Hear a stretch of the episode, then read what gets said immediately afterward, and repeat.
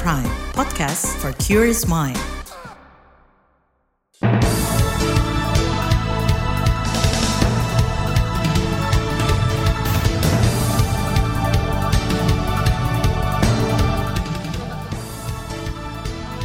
Selamat pagi saudara, senang sekali kami bisa menjumpai Anda melalui program Buletin Pagi Selasa 14 Maret 2023. Saya Naomi Liandra. Sejumlah informasi pilihan telah kami siapkan di antaranya. Harga cabai naik hampir 80 ribu per kilogram. Kemenhub siapkan puluhan ribu kuota mudik gratis. Ribuan obat ilegal disita di Banyuwangi, Jawa Timur. Inilah Buletin Pagi selengkapnya. Terbaru di Buletin Pagi. Saudara, Badan Pusat Statistik BPS mencatat ada empat komoditas yang harganya naik tinggi dan berpotensi menyumbang inflasi pada pekan kedua Maret 2023.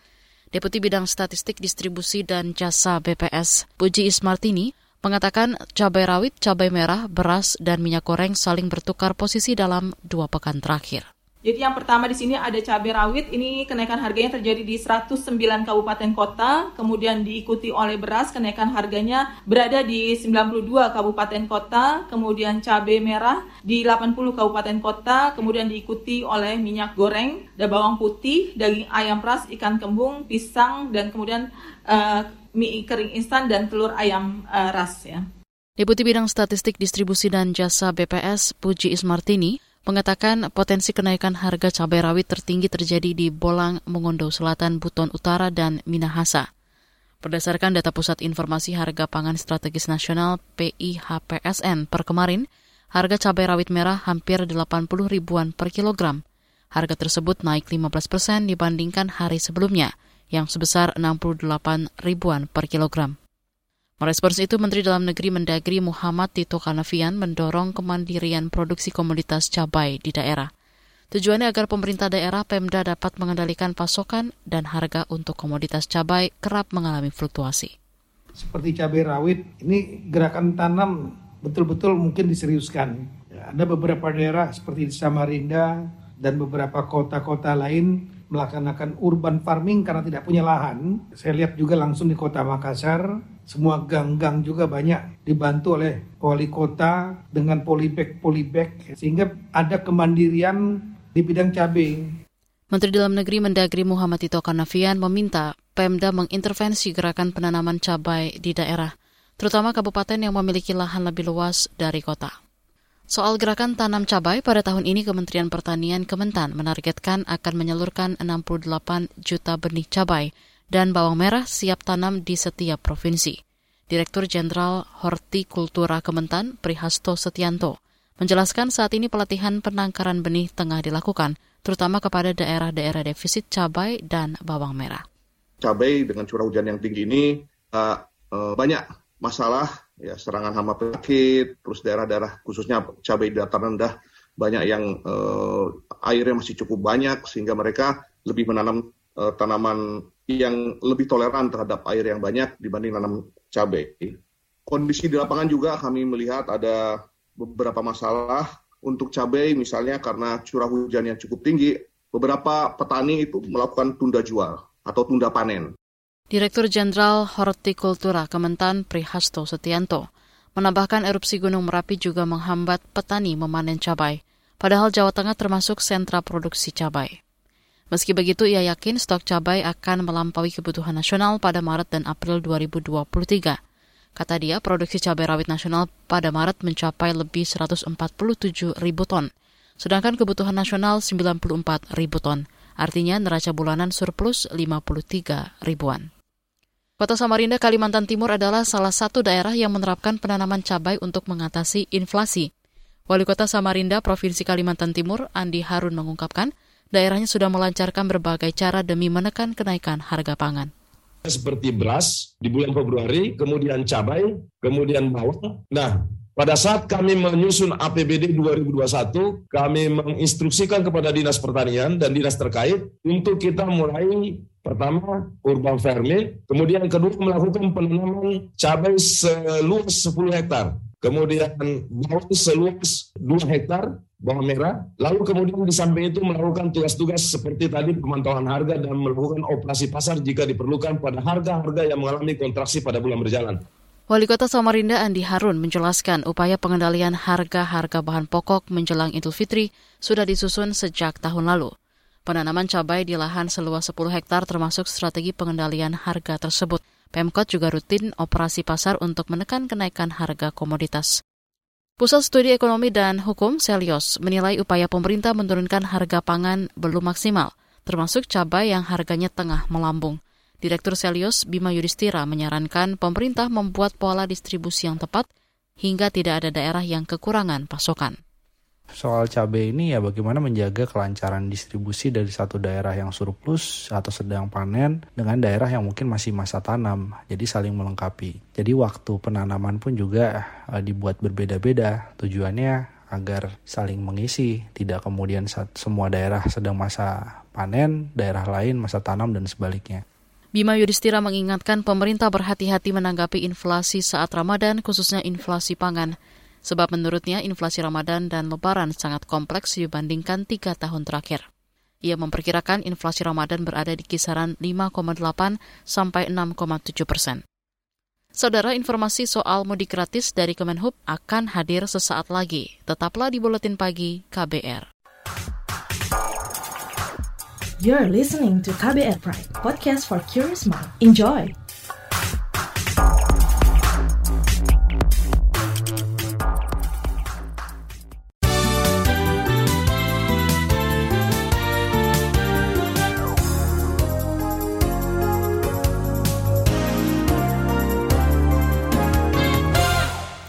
Anda sedang mendengarkan Buletin Pagi KBR. Saudara Presiden Joko Widodo memerintahkan seluruh pemerintah daerah membangun tempat pengolahan sampah terpadu TPST. Itu disampaikan Jokowi saat meresmikan TPST Kesiman Kertalangu di Kota Denpasar, Provinsi Bali kemarin modelnya seperti apa belum, tapi jelas setiap kota harus memiliki tempat pengolahan sampah terpadu. Menurut Presiden, manajemen pengolahan sampah di TPST Kesiman sangat bagus dan tertata. Anggaran operasionalnya juga jelas, sederhana, dan hasilnya nyata. Jokowi mendorong seluruh kabupaten kota lain meniru sistem pengolahan sampah di tempat tersebut. Kabar Pemilu Kabar Pemilu Puluhan partai politik peserta pemilu 2024 dan sejumlah lembaga menandatangani kesepakatan bersama untuk mewujudkan pemilu yang demokratis – dan bebas dari kekerasan, antara lain KPU, Bawaslu, Badan Nasional Penanggulangan Terorisme BNPT, dan 20 partai politik. Momen itu turut hadir Wakil Presiden Maruf Amin. Banyakkan keunggulan program-program yang akan wujudkan kemajuan dan kebaikan bangsa dan negara. Jangan gunakan instrumen apa pun yang berpotensi apalagi mampu menjadikan bangunan persaudaraan kita menjadi retak. Kesepakatan bersama cegah polarisasi sosial dan politik identitas dilakukan sebagai langkah mencegah terjadinya konflik yang dikhawatirkan muncul kembali di pemilu tahun depan. Komisi Yudisial KY menerima lebih dari 2.900 laporan terkait perilaku hakim sepanjang 2022. Rinciannya 1.600-an laporan dari masyarakat melalui berbagai saluran, kemudian 1.260-an lainnya berupa surat tembusan. Menurut Ketua KY, Mukti Fajar Nur Dewata, Laporan terbanyak soal pidana yakni 420-an didominasi oleh laporan perkara pidana dan laporan berdata, serta sisanya adalah perkara lainnya. Sedangkan dari wilayah provinsi, ada tiga provinsi tertinggi yang menyampaikan laporan kepada Komisi Yudisial, yaitu daerah khusus Ibu Kota Jakarta, Jawa Timur, dan Sumatera Utara. DKI Jakarta adalah wilayah provinsi yang paling banyak menyampaikan laporan, total ada 316. Pada 2022, KY juga menerima 570-an laporan pemantauan, yaitu 450-an berasal dari masyarakat, kemudian 115 dari inisiatif sendiri. Kasus-kasus yang dipantau termasuk yang jadi perhatian publik. Kejaksaan Agung menaikkan status kasus pembangunan tol Jakarta Cikampek JAPEK 2. Juru bicara Kejagung Ketut Sumedana mengatakan, Penyidikan dilakukan karena ada dugaan persengkongkolan untuk mengatur pemenang lelang dalam pengerjaan proyek tersebut. Projapek ini nilai kontraknya kurang lebih 13 triliun. Penyidik sudah meningkatkan perkara ini ke proses penyidikan umum. Dan sampai saat ini teman-teman penyidik sudah memeriksa kurang lebih 14-15 saksi.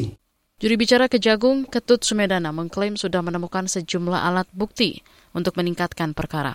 Namun Kejagung belum bisa memastikan berapa jumlah kerugian negara karena masih penyidikan umum. Kasus ini hasil pengembangan perkara dugaan korupsi BUMN Waskita Karya yang diperkirakan merugikan negara hingga 2,5 triliun rupiah. Kita ke soal lain. Kementerian Perhubungan menyiapkan kuota lebih dari 24 ribu penumpang mudik dan balik gratis untuk lebaran tahun ini. Salah satu tujuannya untuk mengurangi resiko kecelakaan pengendara sepeda motor. Direktur Angkutan Jalan Kemenhub Soeharto mengatakan, Pendaftaran mudik gratis telah dibuka sejak kemarin dengan mengakses aplikasi Mitra Darat. Di wilayah Pulau Sumatera ada dua kota berdasarkan hasil kajian dari BKT, yaitu untuk kota Palembang dan Lampung. Kemudian untuk Jawa Barat ini ada tiga kota, yaitu Garut, Tasikmalaya, dan Cirebon. Sedangkan untuk di wilayah Jawa Tengah dan Yogyakarta, ini kami alokasikan sebanyak 18 kota yaitu untuk kota Solo, Tegal, Pekalongan, Semarang.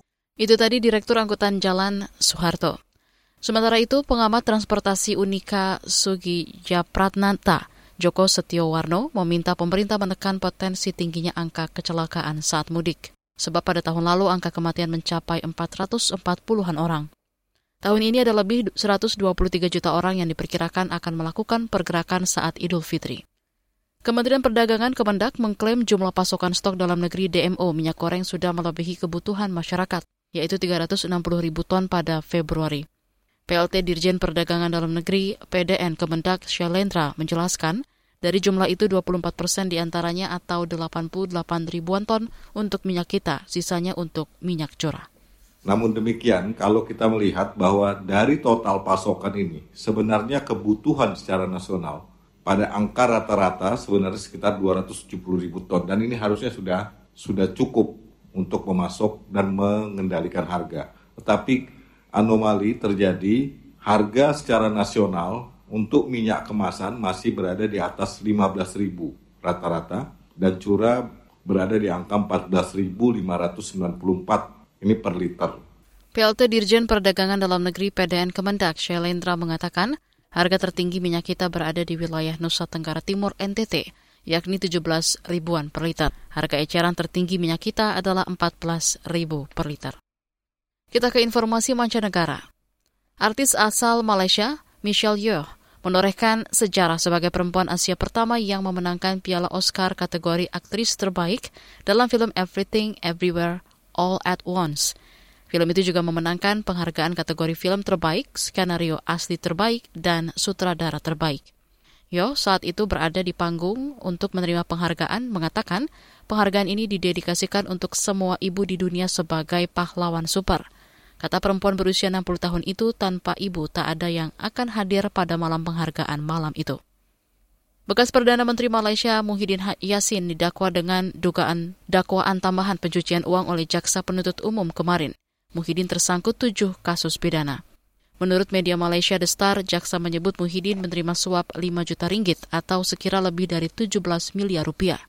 Di Malaysia, pidana pencucian uang diancam 15 tahun penjara dan denda sekitar lima kali dari nilai uang yang ditransaksikan ilegal.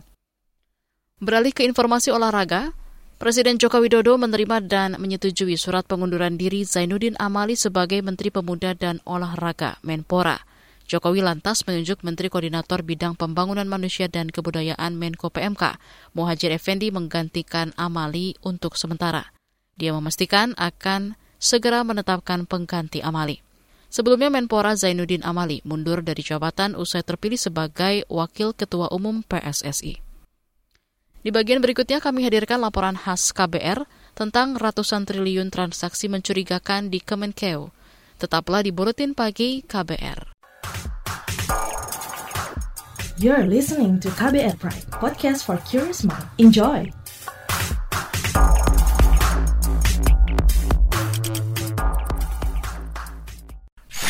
Commercial break. Commercial break.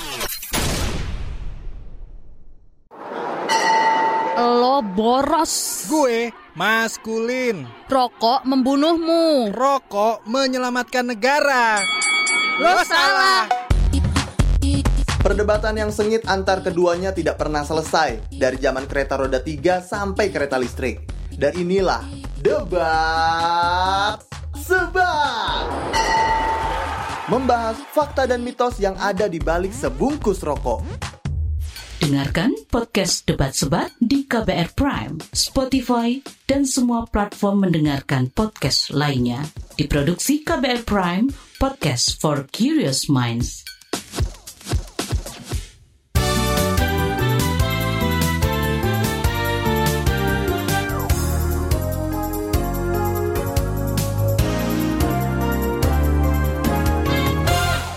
Anda masih bersama kami di Buletin Pagi KBR.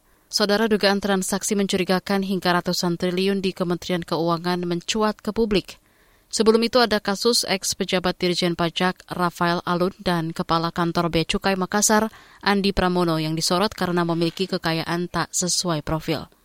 Desakan perbaikan di Kementerian Keuangan lantas menguat. Selengkapnya simak laporan khas KBR disusun Safira Aurelia. Dugaan transaksi mencurigakan di Kementerian Keuangan diungkap Menteri Koordinator Bidang Politik, Hukum, dan Keamanan Menko Polhukam Mahfud MD awal bulan ini. Temuan itu sebagian besar terjadi di Ditjen Pajak dan Bea Cukai. Kata dia, transaksi hingga ratusan triliun tersebut terangkum di lebih dari 160 laporan itu sebab Mahfud mempertanyakan tindak lanjut keseriusan dari Kementerian Keuangan. Sudah dikumulasikan semua melibatkan, melibatkan 460 orang lebih ke kementerian itu yang akumulasi terhadap transaksi yang mencurigakan itu bergerak di sekitar 300 triliun. Tapi sejak tahun 2009 karena laporan tidak di update tidak diberi resp informasi respon. Kadangkala respon itu muncul sesudah menjadi kasus kayak yang Rafael. Mahfud heran Kemenkyu lebih memilih menindak kasus setelah ramai disorot publik. Ia meminta Kemenkyu melakukan perbaikan, salah satunya dengan membangun sistem yang dapat memantau dengan baik pergerakan uang aparatur sipil negara ASN di lingkungan Kemenkyu. Menanggapi hal tersebut, Kementerian Keuangan mengaku telah menerima 260-an surat dari Pusat Pelaporan dan Analisis Transaksi Keuangan PPATK terkait dugaan pencucian uang oleh pegawainya. Laporan yang masuk sejak 2007 hingga 2023. Menteri Keuangan Sri Mulyani mengklaim seluruh laporan sudah ditindaklanjuti. Sebanyak 86 surat ditindaklanjuti dengan pengumpulan bukti tambahan atau pull bucket dari Inspektorat Jenderal Kemenkyu. Sampai siang hari ini saya tidak mendapatkan informasi 300 triliun itu ngitungnya dari mana, transaksinya apa saja, siapa yang terlibat.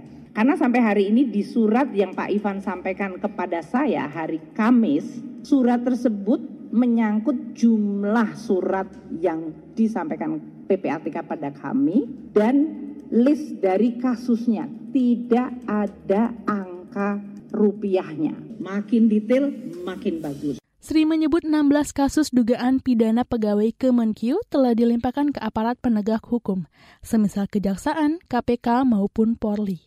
Namun ada kasus yang tidak dapat ditindaklanjuti karena pegawai tersebut pensiun maupun tidak terkait dengan pegawai Kemenkyu. Wakil rakyat di parlemen ikut mendorong adanya penindakan hukum jika ditemukan unsur pidana dalam kasus dugaan transaksi janggal di Kemenkyu. Anggota Komisi Bidang Hukum DPR, Taufik Basari meminta 460-an pegawai Kemenkyu yang diduga terlibat untuk diselidiki. Kita berharap PPATK menelusuri seluruh transaksi mencurigakan dan profil-profil uh, penyelenggara negara yang tidak sesuai dengan uh, harta kekayaan yang dimilikinya dan kita tentu dukung apa yang dilakukan oleh uh, PPATK ini dan apabila ada kemudian temuan-temuan yang mengarah pada uh, pidana, ini kita berharap dapat ditindaklanjuti secara pidana. Anggota fraksi Partai Nasdem, Taufik Basari mengatakan pengusutan perlu segera dilakukan, mengingat pegawai Kementerian Keuangan merupakan penyelenggara negara. Kata dia, kepercayaan publik terhadap penyelenggara pemerintah bisa tergerus jika laporan janggal tersebut tidak diusut. Ex penyidik senior KPK Yudi Purnomo Harahap meminta kasus ini dijadikan momentum menindak tuntas dugaan pencucian uang hasil korupsi, terutama di kalangan pejabat.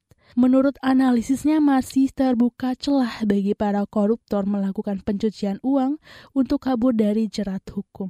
Karena itu perlu ada efek jerah dengan tindak pidana yang tegas. Perlu tiga hal yang penting menurut saya. Pertama, undang-undang perampasan aset ya kan. Yang kedua, pembuktian terbalik ya. Jadi kalau dia tidak mampu untuk menjelaskan aset-asetnya bisa dirampas gitu kan. Kemudian yang ketiga, LHKPN yang kuat ya bukan hanya sanksi administratif, sanksi-sanksi disiplin SN gitu ya yang mulai dari ringan, sedang dan berat gitu ya. Tapi perlu dipikirkan untuk apa namanya pidana. Nah, jadi misalnya uh, dia melapor gitu tidak benar ya maka dia bisa dipidanakan dan harta yang dilaporkan bisa dirampas nah kalau itu tentu orang akan takut kasus dugaan transaksi janggal hingga ratusan triliun masih terus bergulir Kemarin, Kementerian Keuangan telah memanggil 69 pegawai yang memiliki harta tak wajar.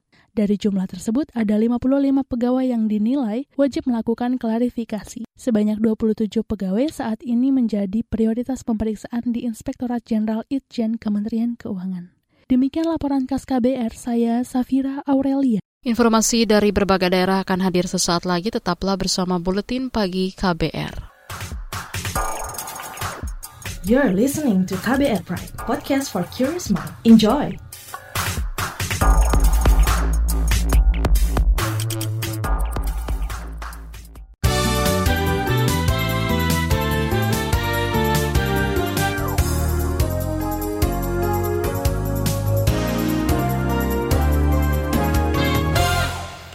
Inilah bagian akhir buletin KBR. Badan Penanggulangan Bencana Nasional BNPB menyatakan delapan korban longsor di Natuna, Kepulauan Riau belum ditemukan. Menurut juri bicara BNPB Abdul Muhari, longsor di Natuna merupakan bencana yang paling terdampak signifikan dari 33 kejadian bencana sepekan terakhir. Per hingga per hari ini, eh, per tadi pagi, itu jumlah korban yang jasadnya sudah diketemukan itu 46 46 jiwa dan masih ada 8. Nah, kalau 54 ini memang asumsinya sudah uh, meninggal semua ya karena sudah lewat 7 kali 24 jam. Ini adalah salah satu dan mungkin sa hingga saat ini ini uh, bencana longsor terburuk yang pernah terjadi dalam sisi korban jiwa satu event. Abdul Muhari menambahkan sejak 6 hingga 12 Maret, bencana telah mengakibatkan 30 ribuan jiwa mengungsi. Sejumlah bangunan juga rusak, antara lain seratusan rumah. Bencana terjadi di 32 kabupaten kota di 16 provinsi. Bupati Magelang, Jawa Tengah Zainal Arifin mengimbau masyarakat menjauhi puncak Gunung Merapi untuk sementara waktu. Imbauan disampaikan setelah terjadi guguran awan panas akhir pekan lalu. Mengutip Antara, Zainal mengatakan imbauan sesuai rekomendasi Balai Penyelidikan dan Pengembangan Teknologi Kebencanaan BPPTKG. Ia juga meminta aparat gabungan siaga jika kembali terjadi guguran awan panas dari puncak Merapi. Sementara itu, BPBD Kabupaten Kulon Progo menyiapkan lokasi pengungsian bagi warga terdampak erupsi Gunung Merapi. Pengungsian berada di empat desa di Kecamatan Kalibawang, antara lain Banjarsari. Badan Pengawas Obat dan Makanan BPOM menindak ribuan obat ilegal di pabrik obat tradisional tak berizin di Kabupaten Banyuwangi, Jawa Timur. Kepala BPOM Penny Lukito mengatakan obat-obatan tersebut berbahaya untuk dikonsumsi terutama bagi liver dan ginjal. Nah, kemudian sudah ditarik izin edarnya, tapi terus berpindah mereka ke fasilitas ilegal tawon kelanceng. Ini sebenarnya tahun 2015 sudah ditarik izin edar ya, tapi sudah berpindah sekarang pembuatannya. Tawon kelanceng namanya. Ya ini ada 16.000 botol produk.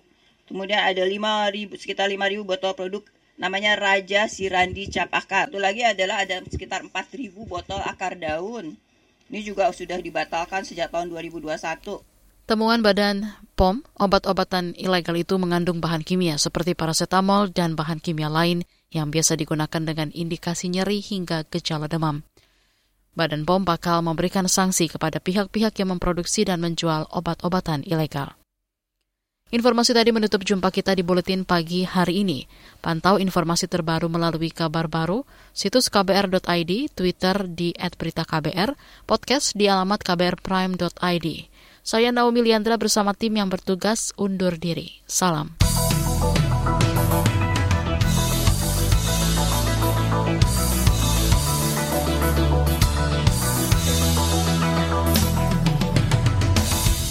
KBR Prime, cara asik mendengar berita. KBR Prime, podcast for curious mind.